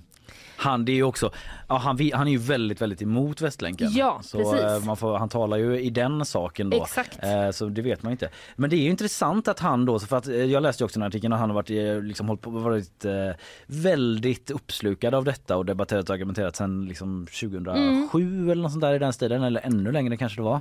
Ja, 15 år. Vad blir Ja. det om man räknar bakåt? Ja, det blir ju Blir det något 2007 då. Ja. Eh, Men att det har gått så långt nu ändå att det här, för det, det rapporterade vi om i förra veckan ju, Mm. att det är det här AGN Haga, det där konsortiebolaget som man har hävt kontraktet med Mm. eh, och nu står det still då förutom att eh, om, någon har åkt förbi och man ser att de visst jobbar så läste jag att det var för att det finns en del så farliga saker Mm. så man måste, man kan inte bara hej då och så har man liksom öppnat ett, ett schakt Nej, exakt. utan vissa grejer måste Ja. man göra färdigt. Ja. Men att det känns så osannolikt när han säger, alltså jag, jämfört med Mats så är jag en lekman i detta. Men att, att man bara skulle avsluta den etappen nu. Ja, man har precis. grävt så mycket, bara cementera igen det Ja. liksom, eller göra något annat med det. Jag vet inte, det, kanske, det kan vara en fritidsgård här nere eller något. Jag, jag, Nej men precis, det känns ju lite, det känns ju lite osannolikt att man skulle liksom backa nu. Ja. När man har eh, gjort så mycket redan liksom. Ja man känner ju det. Ja, nu kanske Ja. jag liksom hoppade i förväg här om du hade någon sorts eh, påtänkt dramaturgi Nej det du men ville det, säga om nej, det har jag inget emot. Jag vill, men jag vill bara lägga till också att eh, Filip Kruse som är reportern som har skrivit den här texten. Mm. Han har skrivit väldigt mycket om eh, de här frågorna. Han har koll. Ja precis men han, eh, han beskriver ju då också eh, hur det har varit för, eh, för honom för han har ofta haft kontakt då med Mats Lövgren i frågor som rör Västlänken. Mm. Så att man får liksom också en liten insyn i eh, vad han eh, säger. Där. Han säger bland annat att liksom, eh, han har tänkt att det kanske känns lite tröstlöst att kämpa så hårt men ändå inte få något eh, gehör. Mm. Och att han då skrivit liksom, tusentals kommentarer, mejlutskick, pressreleaser, debattartiklar, stadsvandringar har han arrangerat. Mm. Eh, begärt här- ut handlingar och ringt runt liksom. Och den här mannen Mats har också ett riktigt jobb. Eller liksom ett, ett huvudsaklig siffra, äh, syssla. Eh, han jobbar med ja. PR och kommunikation eller något sånt där. Ja. Jag läste att han var så här, ja men det hjälper ju mig i den här kampen mot Västlänken att jag liksom Ja, sysslar med det. jag sysslar med. Mm. Men att jag menar utöver sitt vanliga heltidsjobb Mm. så har han sysslat med de här stadsvandringarna och så ja, vidare. exakt. Det är ändå. A for effort. Ja, det är ju verkligen ett engagemang. Ja. Verkligen. Det får man I säga. 15 års tid. Så att, eh, ja. Ja, men vår reporter han frågar ju lite så här hur det har gått ut över resten av hans liv då. Mm. Och då visade sig i artikeln att han är frånskild Mm. men han säger själv att det, det handlar inte om eh, Västlänken utan så här, vi gick isär eh, eh, eller så här, det var de Av gick så här, andra ja, det hade hållit på länge andra anledningar Mm. så här. men att han också medger att det liksom, han har suttit på middag att han har liksom suttit på middagar med mobilen och varit inne i kommentarer och liksom bemött argument debatterat Mm. eh, och eh, att han när det, när det var som mest att han satt uppe liksom till fyra på natten Ja. och diskuterade och sen gick till jobbet. Så det är klart Ja. att det har liksom tagit på honom. Eh, eller på, eh, han har lagt väldigt, väldigt mycket tid på det. Ja. Eh, det var, det, ja, men som, som du sa, ett lästips. Det är en väldigt eh, intressant inblick i en sån eldsjäls Ja, eh, liv här Får- under ja. de senaste 15 åren. Ja men precis, få veta lite Mm. hur han, eh, hur han liksom orkar. Ja, eller hur? Eh, och så. Ja, Kanske kan vara läge att bjuda in Mats här. Det kan det Eh, och se eh, hur han, hur han eh, ser på det hela. Ja, ja, sen får man ju se vad som händer med Västlänken. Herregud, ja det är som vi sa. en eh, helt annan fråga höll på säga. Han är ju- jätteemot detta. Det Precis. finns de som tycker det är bra men eh, det är väl svårt att argumentera att det är jättebra för någon att står still Ja. vid Haga i Mm. bygget nu. Eh, en följetong. Mm. Osten eller är det såsen för? Såsen för. Ja, jag vill bara kolla. Ja, några som också ville kolla, det var ju finnarna då i helgen och många av dem blev besvikna Ja. för nu hade På spåret eh, premiär i Finland. Mm. Den här svenska tv-succén som eh, är, har varit mer eller mindre omöjlig att sälja utomlands. Det funkar Ja. ju så med tv-format. Ja. Att det köps och säljs, man hittar på någonting och så kanske någon annan vill plocka upp det. Ja, visst. Melodifestivalen i USA nu till exempel. Ja, Bäst i test till exempel. Ja, har de sålt det också? Nej, då har de köpt. Jaha, det, är inte ju, svenskt. finns ju en brittisk förlaga. Där ja. Taskmaster. Okej, Så jäklar vad det, eh, vilken succé det blev då. Ja, Men det blev inte På spåret i Finland. Eh, finska på, på spåret toksågas läser jag från Aftonbladet. Förlåt Sverige! Ja. Ett citat. Vi har skändat det vackraste ni har. Eh, det blev en stor flopp eh, när det här hade premiär i helgen då. Eh, det är en skam, skriver en besviken tittare på sociala medier. Eh, och eh, jag har inte tyvärr kunnat se finska På spåret men jag ser pressbilden Ja. från tv-kanalen YLE då som visar den. Det är eh, lite en annan stämning man vill Ja, komma åt. Du ser den också. ja, Hur skulle du den beskriva den? Nej, men jag skulle säga att den är mycket glammigare Mm. än vad vårat På spåret är. Verkligen, det går i guld Ja. eh, den här eh, Hengailan eller något sånt Ja, där. bra vågat uttal i alla fall. Ja, bra vågat ja. Ja, exakt. Jag bytte lite. Jag tog bort bra och till vågat. ja. Eftersom inte jag vet. Nej men precis, det är ju massa guld, eh, lite glitter och Mm. de är tjusigt klädda och ja. Ja, det är en kvinnlig programledare som har en lila glittrande klänning av något slag och så en manlig eh, som jag tror är domaren, tror jag. Mm. Eh, fick jag för mig när jag läste här. Eh, som har ja, lite Fredrik Lindströmsk stil då, förutom en lite tuffare frisyr men glasögon och, och polotröja och, och Ja. kostym och så. Och så är det någon sorts guldbeklätt stationshus med en första klass och en dressin antar jag att det är, Ja. som också är i guld båda två. Både dressinen var det. Ja. Ja. Nej det kan man ju verkligen Det kan man ifrågasätta. verkligen ifrågasätta. Redan där borde de kanske anat oråd, eh, finnarna.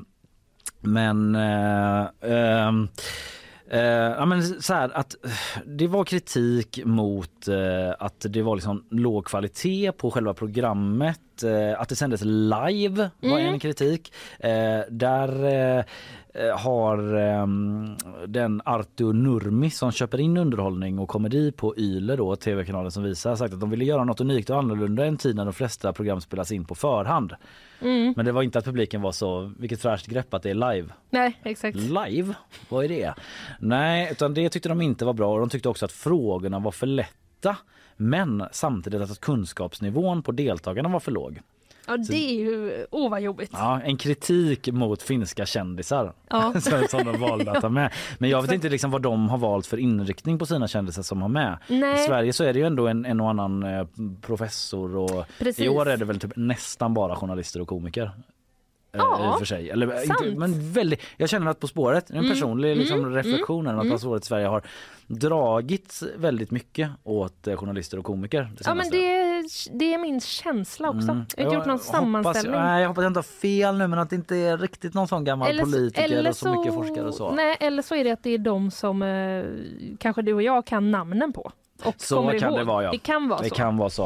Eh, vi kan väl ha det lite mm, osagt. Ja. Men det är ju spännande för de, nu ser jag också här i Aftonbladet-artikeln då att de skriver de inbitna På spåret-fansen tyckte inte bara att det var dåligt. Då är det folk i Finland Sådär. som tittar på svenska. Jag tolkar det så Mm. och det kan ju också verkligen vara eh, göra att man blir mindre benägen att typ gilla det. Ja. För om man gillar då svenska På spåret, då är ju det här nu återigen, jag dömer hela programmet utifrån den här bilden då, Ja. som är lite glammigare. Ja. Men det ser ju ut att vara lite av en annan grej. Ja. Så det kanske det är som att man kommer liksom och tar något man har haft som tradition väldigt länge och så gör man Mm. det på ett helt annat sätt. Ja men det är svårt precis att vinna över nej, men, det gänget. Sluta, förstör typ. Ja, så det är kanske tycka. mer intressant vad de som inte alls har sett På spåret tycker egentligen. Men ingen Ja. verkar ju enligt den här Aftonbladet-artikeln i alla fall tycka det är särskilt bra. Nej. Eh, De lyfter då också att eh, det har varit eh, det är inte bara Finland som har försökt ta sig an På spåret trots att det varit så svå- svårt att sälja då. Även på 90-talet så gjorde man ett försök i Norge under namnet Jorda runt. Men det gick bara i två säsonger. De Ja. kom bara till eh, De kommer att till Reykjavik. Sydeuropa typ. jo, halva jorden runt. Eh, så fick de lägga ner. Nej, men så eh, det eh, verkar vara ännu ett bevis på eh, att det är mer eller mindre osäljbart. Så himla surt att ha en sån pangsuccé som bara... Men typ, Nej. typ som att det känns som att svenskarna är lite glada över det. Lite. det är vi som gillar det här, ni fattar inte. Det är liksom lite så här, ja det kan verka lite torrt och lite lagom och det är lite så småputtrigt och mys. Men vi gillar det. Mm. Det är lagom Ska vara lite kul. tråkigt. Så låter det där ute i stugorna. Ja, här kommer trean före fyran. Vi får försöka släppa eh, spårvagnarna. Ja just det, det är svårt ja. den Måndag är min kvar. dag där jag sätter mig och i vanliga fall byter ut eh, lite bumpers. Mm, mm. så eh, efter sändning. Ja, precis. Får vi se resten av veckan. Se vad som kommer sen då. Mm. Eh, nu säger museerna så här. Kalla dem inte för mumier. Men kalla mig... Eh, Nej. Nej. Eh, Vad ska man kalla dem då? Jo, men- är min spontana fråga. Ja, precis. Så här, Aftonbladet skriver så här i eh, sin ingress. Det är omodernt att kalla mumier för mumier. Det menar flera brittiska museer som nu driver en debatt om att istället använda termen mumifierad person. Okej. Ett byte som svenska museer redan har genomfört. Woke. Eller hur? Sverige. Ja, Mm. det visste inte jag. Sen, är ju inte, sen har vi väl inte så mycket den här typen av eh, museer i Göteborg. Nej, jag vet inte Nej, ifall det Medelhavs- huserar något muse- mumie Nej. här. Nej. Medelhavsmuseet ja, i Tror Stockholm. typ inte det, precis. Sofia Hägg eh, på Medelhavsmuseet som väl måste ligga i Stockholm då. Jo men det gör det. Där Ja. har jag varit Ja, där flera gånger. varit. Mm. Mm. Skulle också vilja gå dit. Varför har vi inget sånt här? Nej, det finns redan i Stockholm. Ja, okej. Det, det finns där. Ja. Eh, jo, hon säger i alla fall så här, Sofia Häggman. Eh, vi har valt att kalla det för mumifierad man, kvinna eller barn. Det gör vi för att lyfta fram att det är människor det handlar om. Mm. Därför. Det blir en avhumanisering Mm. av de mumifierade personerna. Det kan man ju i och för sig liksom verkligen tänka för att jag menar om någon säger mumie, jag tänker ju kanske först på typ något avsnitt av Scooby-Doo. Ja, den. Ja. Händerna fram så, bandage över hela, man ser Precis. ingenting. Ja, visst, det är ju människor Ja, det är det som ligger där inne och har Mm. blivit mumifierade då ja. Mm. Mm. Ja, visst. Men då har man ändrat sig i eh, Storbritannien sa du? Precis, det kommer eh, från Storbritannien då som vill att man ska ja, men uppmuntra besökarna och tänka på individen som en gång eh, levde, säger museichefen Adam Goldwater. Mm. Populärkultur är boven i dramat, läser jag här. Scooby-Doo. Eh, ja, möjligtvis inte exakt Scooby-Doo, eller det, det nämns inte vad jag kan se i alla fall, men att, eh, att man liksom eh, skildrar mumier då som övernaturliga monster Mm. eh, i populärkulturen. Det hade varit spännande i liksom den Mumien Brendan Fraser franchisen att nästa Mm. var liksom att de så blir jagade av mumier så helt plötsligt bara öppnar den lite på bandagen bara jag är faktiskt en människa också. ja, exakt. Jag försöker bara tala om för er om mitt levnadsöde under Ja. faraos Egypten. Ja. Där jag blev, jag tillhörde en minoritet på den tiden. Ja. Och jag blev förföljd. Och nu är det ironiskt att jag förföljer er men det är inte det jag försöker göra. Jag försöker bara ha ett samtal typ. Jag försöker bara. Ja. Mumien 5 in theaters. This summer. Helt annan typ av film. Ja, this summer the mummy is a person with feelings. Ja. Hallå? Hallå? Glöm den förra. Det här är den nya. Expressen fredag av? Frågetecken. På? Utropstecken. Det gäller från och med nu, okej? Mm, Timotej. Stenhårt. På. Ja. Ja, men avslutningsvis eh, jag tänkte säga någonting om att eh, det ändå var Peter Guld här i fredags kväll eh, Ja, det var det i ju. eh, Partille Arena tillbaka efter pandemin Mm. Och någon sorts försök att de skulle ha det i Stockholm ett Något tag. slags konstigt hotell eh, Peter Guld va? Ja det inte var det också. Jo, det var när det var just det, det var, det var livesänt så. Det Ja. var väl kanske i Göteborg eventuellt men sen skulle de ha det så i radiohuset för då kom man närmare publiken. var det konstigt. Eh, Ja, jag ska inte gå in på, eh, på det för mycket men nu var det Nej, tillbaka. men då kan jag säga att det låter ganska ologiskt. Ja, jag blir lite osäker på citatet. Jag har Ja. det inte framför mig, men det Nej. var något i den Mm. stilen i alla fall. Man hade någon idé där. Nu var man tillbaka i Partille Arena och det blev eh, de här Hoja Mm. eh, som... eh, Banan, melon, kiwi och citron va? Om jag inte är helt fel på det. Är det din En eh, favoritfruktsallad eller? Nej. Ja. Nej men, det, är, låt jag tror att det är en låt av dem som de Alltså, har gjort. Men det är de här som har liksom skidmasker Mm. och liksom så här one cuss i Norrland typ. Ja. Något i den stilen.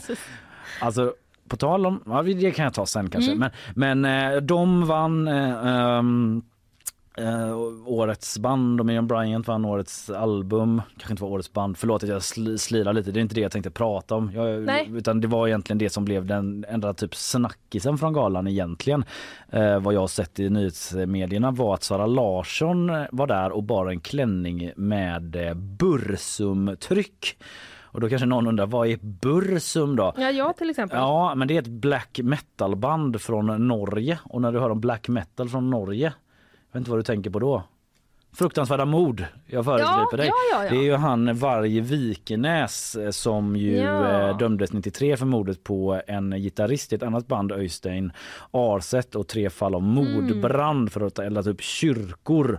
Eh, Det har gjorts dokumentärer och Ja. tv-serier med mm, Walter Skarsgård tror jag. ja, det i alla fall. Ja. Eh, Jonas Åkerlund tror jag gjorde någon serie om det. Eh, I alla fall, eh, det är hans ensamprojekt då. Det bandet eh, hade Sara Larsson på sig som någon sorts klänning och han har liksom senare efter att han dömdes till det här han Vikenäs då kopplats till vit maktrörelsen och varit knuten till organisationer som förespråkat en blandning av nynazism och hednisk tro läser jag från Omni. Det reagerade ju folk på. Ja. Någon på Twitter typ upptäckte bara Bursum. Mm. Är det Is that cool verkligen? Och då har folk försökt få tag på Sara Larsson och frågat henne om det. I ett sms till Aftonbladet skriver Sara Larsson att det var olyckligt och att plagget inte var bandets merch utan att det kom från en designer som heter Raph Simons. Mhm. Som jag tyvärr inte har liksom hunnit kolla upp. Nej. Eh, men jag vet inte vad, om, om den designen också är så. Men det- inte ha koll. Nej precis, det, nej, men det kan väl hända om man är på någon eh, liksom, eh, inspirations eh. Man Ja. kanske in- tappar vart man liksom har Just fått det, olika bara grejer slögoogla runt Exakt. så. Och så vet man hur algoritmer funkar. Plötsligt sitter man i vit maktrörelsen och bara this looks chic. Uh, oopsie, hade ingen aning, tyckte mina kläder så coola ut bara, skriver hon. Ja, jag har ingen, lägger ingen värdering i det. På ett sätt är det var skönt någon som bara hoppsan, det visste jag inte. Ja, ja. Nej, precis. En av eh, flera anledningar till att jag aldrig har tryck på mina kläder. Nej, just det. Orolig då. Vad är detta för någonting? ja, nej men eh, det var väl det från eh, Peter Guld eh, egentligen som hände i helgen. Det jag, jag sa att jag kunde återkomma till bara helt kort var angående Mm. den där skid, skidmask maskerings liksom, trenden bland Mm. artister. För att det Mm. var väl ändå typ jag tror det där kommer från, nu är jag lite ute på djupt vatten, men att det är hiphop-scenen i Storbritannien med så UK drill och sånt där och Mhm, att man typ mm. maskerar sig. Eventuellt, det är lite sånt. Men då är det han One Cuss ju Mm. som är rapparen som har mask. Och eh, det är de här Hooja som också har mask och skidglasögon och såna jättevarma mössor. Mm. Och så är det hon fröken Snusk som är den här epadunks-artisten typ. Exakt. Ja. Eh, och hon, jag har bara sett en sån bild som snurrat runt nu mycket i, i, i sociala medier för hon Mm. har gjort en låt nu tillsammans med One Cuss, One Cuss Ja. som heter eh, Trakten till traktorn. Eh, och det är en bild där de står i ett garage med en epa-traktor och hon står så lutad framåt och han står strax bakom henne i en eh, provocerande position. jag kände, här är det något mer du försöker förmedla än att det bara är en, eh, en bild. Nej, vadå? Eller nej men du försökte, nej men det är okej, i, en- i en provocerande position. Nej men ja men hon lutar sig fram och han står bakom henne precis. eller? Ja, Ja, liksom så här, fröken snusk och så Ja. vidare liksom. Mm, Eh, eh, och att det har också varit, eh, ja, eh, Fröken Snusk skriver till Aftonbladet att folk är chockade över ett så udda samarbete. Trakten till epan heter den, förlåt. Ja, okej. Mm. Eh, hans karriär är förstörd har, har folk skrivit på Onecast då. Att, liksom, ja, Ehm, att vissa tycker är, Ja. är, liksom kritiserar det samarbetet. Så här, Vad håller du på med? skriver en användare under ett inlägg på Fröken Snusks Instagram-profil. Mm. Och en annan skriver då att Onecast karriär är förstörd. Eh, ja, eh, det är bara en liten snackis från, från eh, helgen. Men jag tycker vi var inne på det när Anna Rosenström var här från Kulturen Ja. och snackade epadunk med oss. Just att då spekulerade vi i liksom ett möte mellan gangsterrappen och eh, epadunken. Eller Ja. jag gjorde det i alla fall. Jag gav mig Ja. ut på en eh, on a limb igen och försökte göra någon sorts så här spaning inom kulturen. Att det är Ja. typ två, två så utanförskapsgrupper. Mm. Nämligen landet, landets stad i den konflikten, Mm. förorten Mm. och nu möts de i det här samarbetet båda maskerade Mm. och är provocative tillsammans. Ja, ja visst. Det, man behöver ju få lyssna på den här. Ja det får man göra om man... Det, eh, man undrar ju bara hur det låter. Absolut. Rent nyfikenhetsmässigt. Man undrar hur det låter där ute med ny musik. Du, eh, jag nöjer mig där, sätter punkt. Vi får väl följa den grejen om det blir kulturdebatt eller någonting. Det får vi göra. Vad vet jag. Idag så eh, har vi pratat om eh, att Sverige har blivit tillsagda att vi skämmer ut oss Ja. av Erdogan Mm. som sagt att de kanske kommer säga ja till Finland men inte till oss då. Mm. Och sen har jag pratat om våldsspiralen i Stockholm, ett antal eh, nya händelser där som lägger sten på sten så att säga. Det var en dödsskjutning av en 15-åring i Skogås i lördags, två bombdåd i söndags i eh, orten norr om Stockholm. Och du Mm. pratade om USA. Precis. Eh, jag pratade om att fem poliser nu åtalas för dråp efter en väldigt allvarlig misshandel av Tyree Nichols som han heter. Och att polisen En där... misshandel som ledde till precis, som ledde till att han, sjukhus och senare dog. Ja, Mm, mm. precis. Och att de nu då lägger ner den här eh, polisens specialenhet som de här poliserna tillhörde. Just det, och så var Hampus Dorian här också, GPs krimredaktör, eh, snackade om eh, skjutningarna i Göteborg. Hur ser det ut egentligen? När Mm. det eskalerade i Stockholm så har det ju skett en slags deeskalering över tid i Göteborg. Men vart står vi egentligen? Finns det någon anledning att oroa sig för framtiden? Lite det var vi inne på med Hampus och här i bakvagnen så var det ju baguetten då. Mm. Var, varje gång vi pratar om Frankrike så handlar det om baguetter, sa Ja, Carl. vi kanske behöver bredda oss lite. Ja, lite. Vi kan Ja. kika på det, ta ett möte här efteråt. Ja. Ja, det och mycket annat hade vi idag. Lyssna på podden om eh, du vill höra något eh, av detta som du missat. Mm. All right, eh, tack för idag. Hörs imorgon. Det gör vi. Hej då!